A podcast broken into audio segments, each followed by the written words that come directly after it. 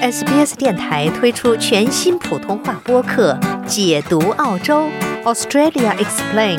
在这里，你可以轻松欢快的了解有关澳洲的有趣知识。从法律角度看待社会现象，以专家意见指点生活迷津。请听现场说法。现场说法，您了解法律、咨询问题的空间。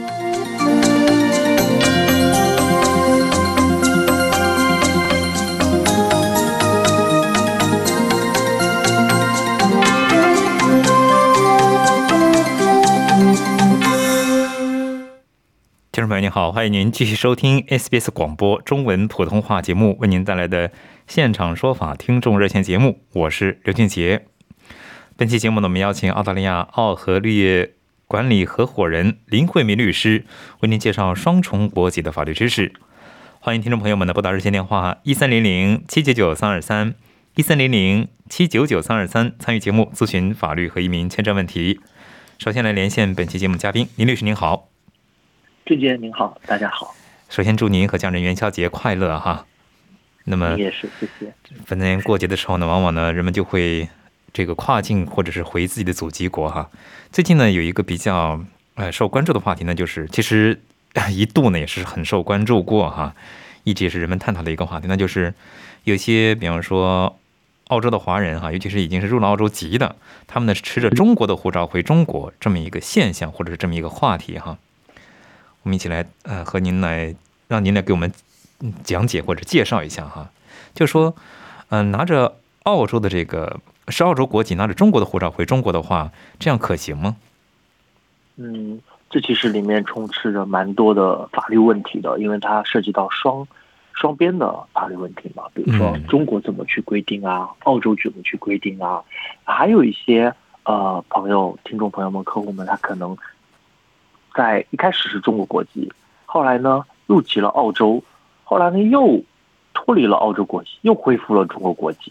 嗯啊，在在他的整一个这个出入境当中，他国籍也发生了变化，这其实也是一些法律问题需要去探讨的。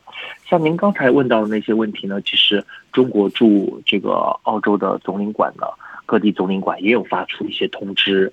说发现部分的这个人，他持有澳大利亚护照或已经入籍了澳大利亚的情况下，仍然呢前往这个总领馆去申领中国护照或持原中国护照办理中国呃公证业务。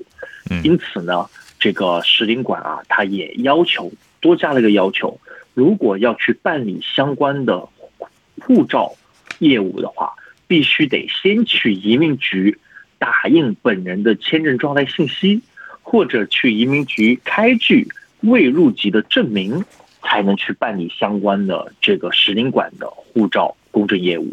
也就是说，在呃总领馆的这个层面，他也发现了一些关于护照的不合规使用等等。那他们也将相关的管理办法越来越严格，必须要先打印相关的签证信息或未入籍证明，才能进行办理。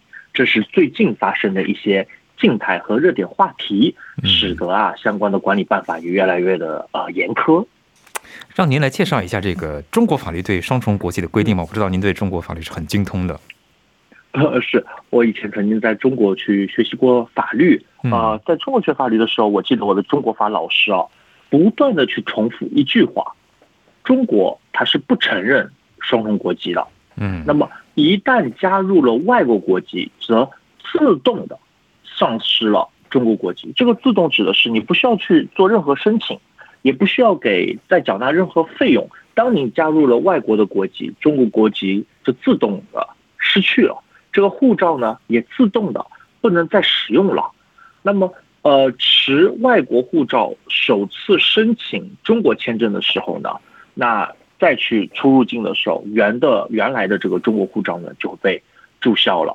这是中华人民共和国的国籍法啊，而澳大利亚呢就采取着完全不一样的态度。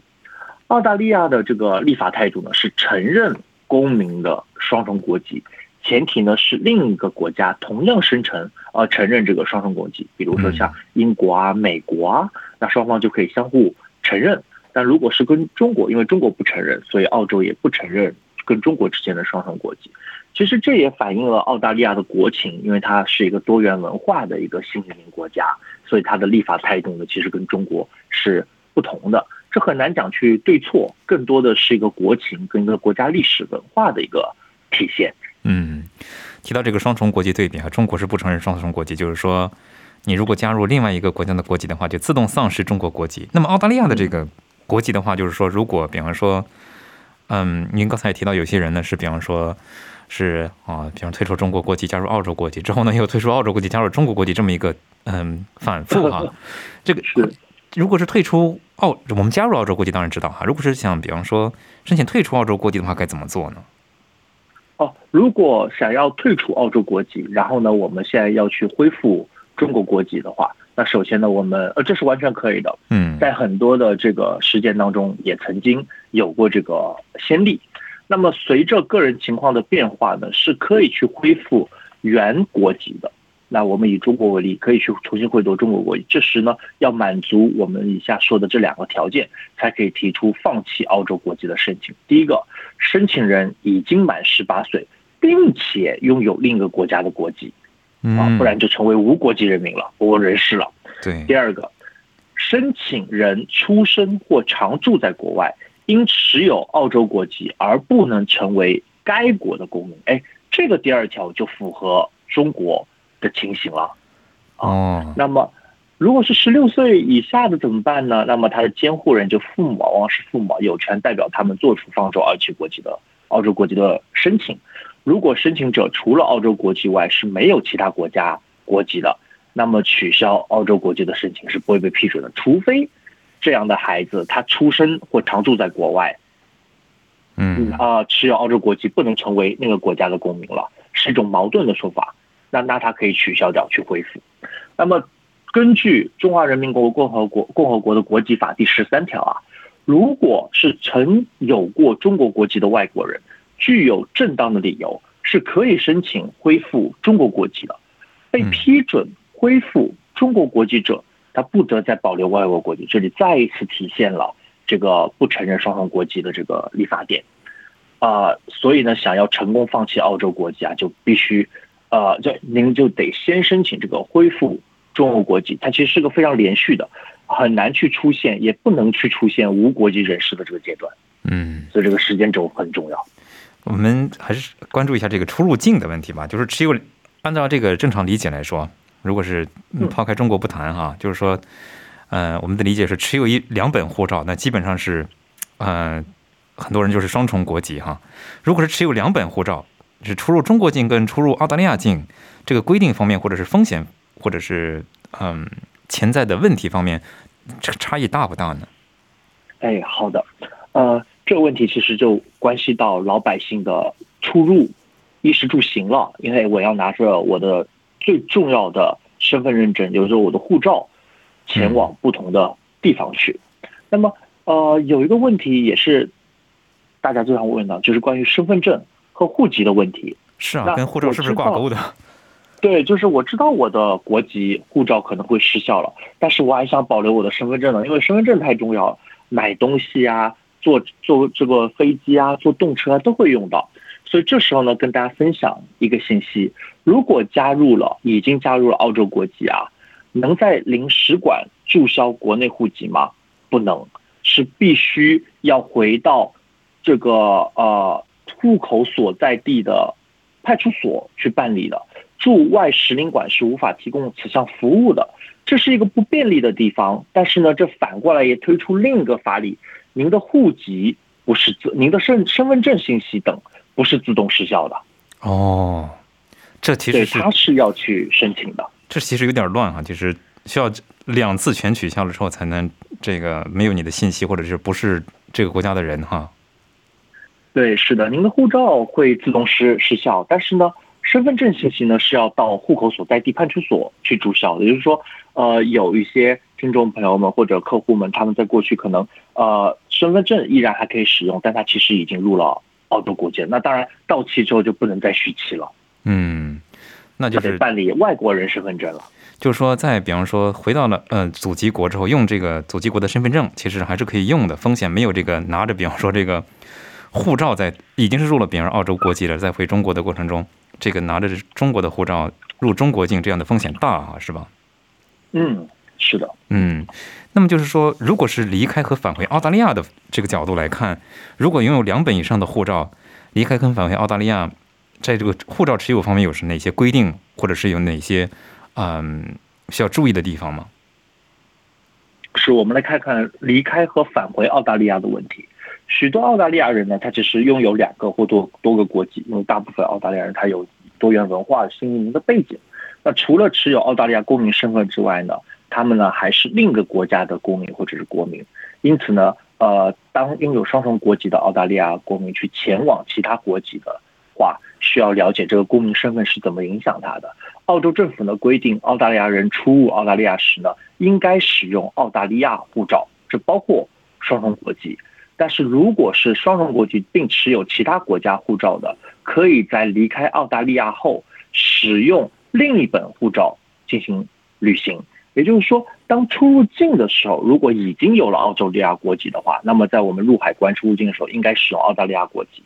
但出了澳大利亚之后，在其他国家之间去往返通勤的话，那这时候可以选择使用其他第二本的这个护照进行旅行了。嗯，就是说，其实如果比方说进入，比方说我是一个法国人，同时也是个澳大利亚人，我这个回法国的时候是拿着澳大利亚的护照回去的，是不是说？因为你得出境啊，对，是。那如果比方说这个发到了另第三个国家的时候，比方说拿着澳大利亚的嗯这个签证去的，是不是在领事求助的话，就你入境是拿着哪个护照就求助于哪个这个呃国籍的国家来去给你就领事协助是吧？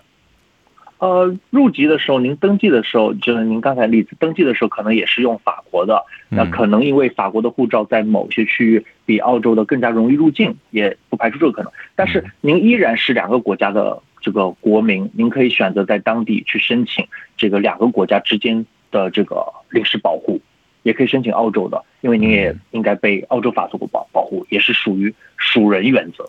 嗯，就是说，如果比方说您刚才说呢，不会出现，尽量避免出现这个无国籍状态哈。如果是入了澳大利亚籍了，比方说是以前是中国籍的，这时候呢是只有升了澳籍了嘛，对不对？嗯，是存不存在说只有这一种国籍最后被取消的可能性呢？呃，这个可能会会极为少见的案例，在中国法当中，如果我们涉及到了比较重的。重罪刑事犯罪，我们经常会听到一句话，叫做剥夺政治权利终身。对对，这个政治权利其实更多的是他的投票权、呃选举权或者被选举权，以及参与政治的这个权利。嗯，呃，几乎在很少的国家会去规定说，哦，如果涉及到了重罪，或者是当时的申请材料有假，我就把你的所有的国籍都给取消掉了。嗯，啊，但是有可能会剥剥剥夺掉这个。政治权利，因为无国籍人士的话，他其实也象征着他没有在一个地方的这个居留权。那也就是说，他可能没有在没世界上任何国家没有居留权，他可能只能去一个没有呃国家所占有的一块土地去生活了。这在现实生活中其实是对人权的一种侵犯。嗯。非常感谢林慧梅律师的介绍。那么，听众朋友，欢迎您继续拨打热线电话一三零零七九九三二三一三零零七九九三二三参与节目咨询法律和移民签证问题。接下来接听听众电话，这位是胡先生。胡先生，您久等了，请讲。好，你们早。您早。你好，我是想要问一个问题，因为我我住在澳大利亚三十九年了，现在我已经。拿这个退休金，因为我现在的护照是澳大利亚。假使说我想要去中国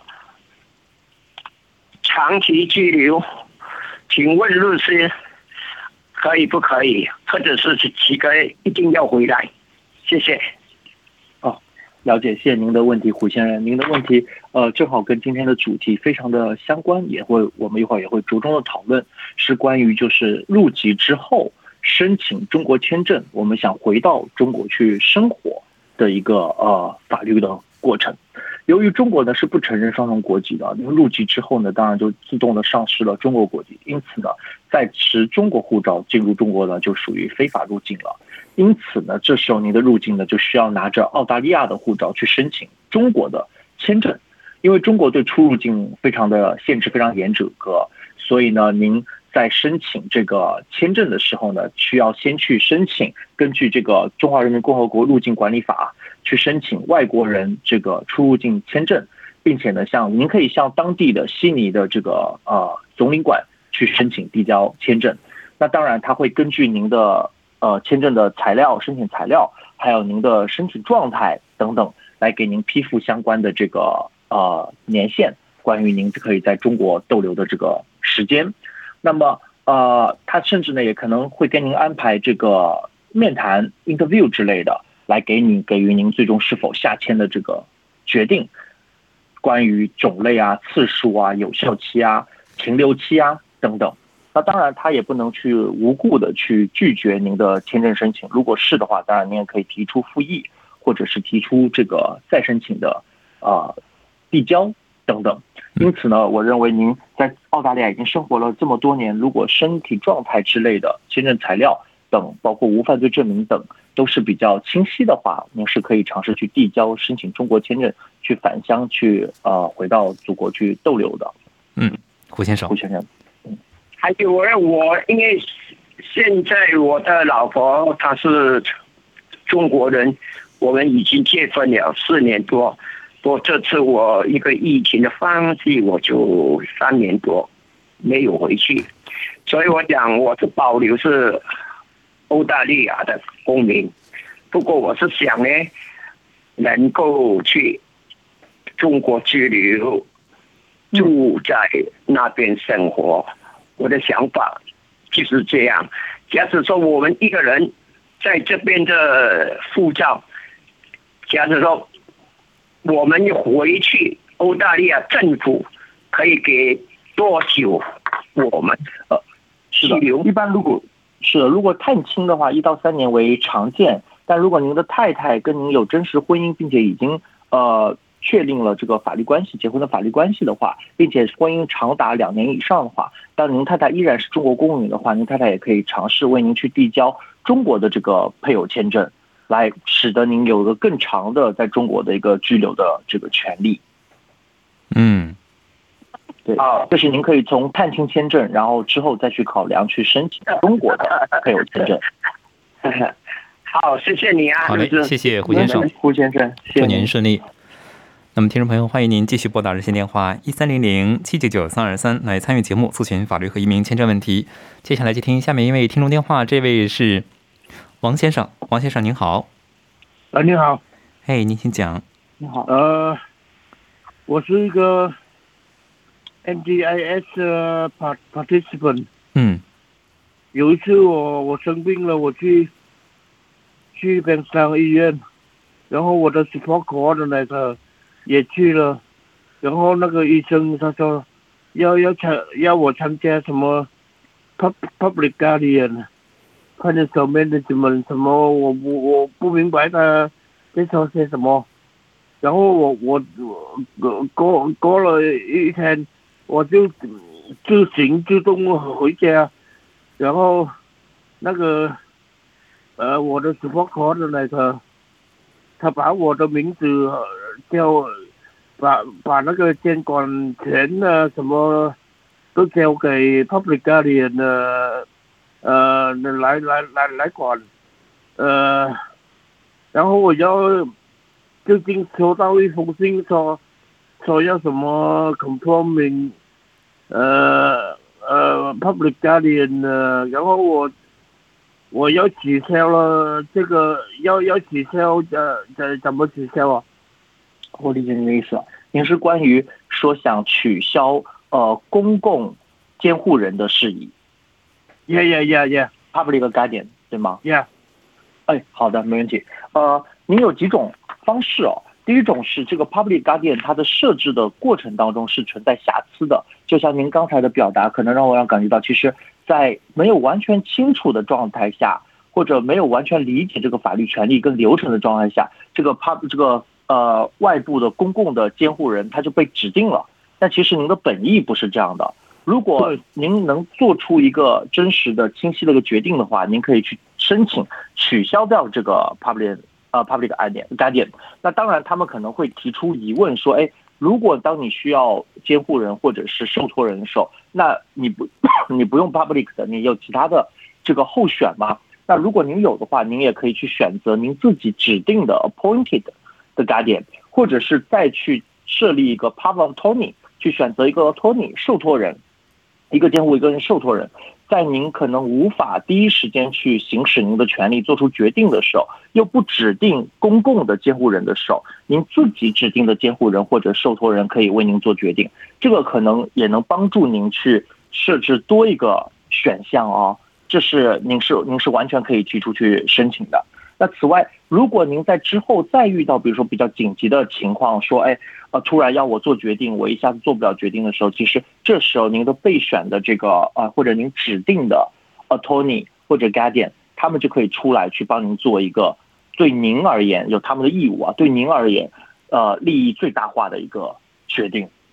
那当然也会有相关的法律援助，您也可以指定。律师或者专业人士成为您的这个受托人，对您某一部分的这个决定做出一定的这个建议，或者是权利的这个行使。意思是说可以，可以，可以还可以，可以雇雇佣了一个一个一个律律师来做我的呃 public guardian 是吗？啊。不一定是律师做你的 public guardian，但是呢，律师可以成为您的 attorney，他可以带您去在法律上去发声，带您行使做出一些决定。有那个费用吗？啊，是的，一般 legal aid 免费法律援助，他们不太会去做这个受托人。一般律师会有些律师会从事这个业务，他可能会涉及到部分的费用。王先生，那个是那什么是就呃工伤保险的什么？哦，如果涉及到工伤保险的话，您需要受托人的话，律师是可以帮您去呃处理相关的这个业务的。他们就是法律上的，您的您就是法律上的委托人，去委托他们处理相关的法律的事宜，这样可以避免您跟外部去沟通的时候，因为一些没有好的一些表达或者沟通啊，做出一些不利于您的或者不是您真实意图的一个表达或者决定。嗯，我在这。这个这个牵涉很很多很麻烦的这这事情啊，很很很难的，很难的，一下子说完了。是的，是的，特别是 NDIS，其实很多的律师他并不了解这一块，包括 Public Guardian，所以这一块一定要仔细的去处理。嗯，好嘞。是的，谢谢王，谢谢王先生。OK，好嘞，谢谢王先生，祝您顺利。如果这个节目您不清楚的话，我之后会放到网上，您可以收听回放。那么，听众朋友，欢迎您继续拨打热线电话来参与节目，咨询移民和法移民签证和法律问题。接下来继续接听听众电话，这位是陈女士，久等了，您请讲。嗯，喂，是我吗？是您，是您。哎，你好，陈。你好，你好。嗯，我想问一下这个问题，就是我现在是澳洲的那个入籍了已经，然后我我只是想。呃，改成那个 PR 可以。哦，我了解您的意思了。哎，你好，陈女士，了解您。哎，可以听到陈女士，你可以听到声音吗？嗯嗯，不好意思，你好，陈女士，谢谢。哎，我能了解您的问题是想退出澳洲国籍，然后回到这个永久居民，对吗？对对对，是的。哎，好的。如果您退出国籍的话，您是有第呃另一个国家国籍的这个考虑吗？比如说恢复中国国籍？呃，是这样的，因为我入了籍之后呢，我还要回过中国，所以我现在中国在中国的护照还在，就是。哦，了解您的意思。好的，那您入了澳洲国籍的时候，当时其实您的中国国籍就已经自动的上市了，其实护照也并不应该再被使用了。嗯。您的永久居澳洲的永久居留权也已经变成了澳洲国籍的赋予您的国籍赋予您的永久居留权。如果您现在要取消退出。澳洲国籍的话，那您得先考虑恢复中国国籍，因为您必须得有一个国籍啊，您不能成为无国籍人士嘛。那当您您可以向这个中国提出恢复中国国籍，那相关的这个表格啊，呃，中国政府它其实都有非常的详细，也相关的业务也有在提供。那基本上提供些什么？我给您大致的扫一下。第一个，填写这个恢复中国国籍申请表；第一个。要提交要求恢复中国国籍的书面申请。第三个呢，就是外国的护照复印件、外国的永久居留权复印件，呃，提供曾经拥有中国国籍的相关证明，呃，等，把这些您看都是一些基本材料递交上去，但一定要把握好这个时间顺序。那递交之后，如果呃一切都顺利的话，您再去考虑说，哎，我要退出澳洲国籍。但是呢，这并不一定会使得您自然而然的获得再获得永久居留权。哦，是吧？嗯，对是这样的。啊，是的，明白您了。您退出澳洲国籍之后，您是否是等于我们理解为降降级一下到 PR 呢？嗯并不一定的。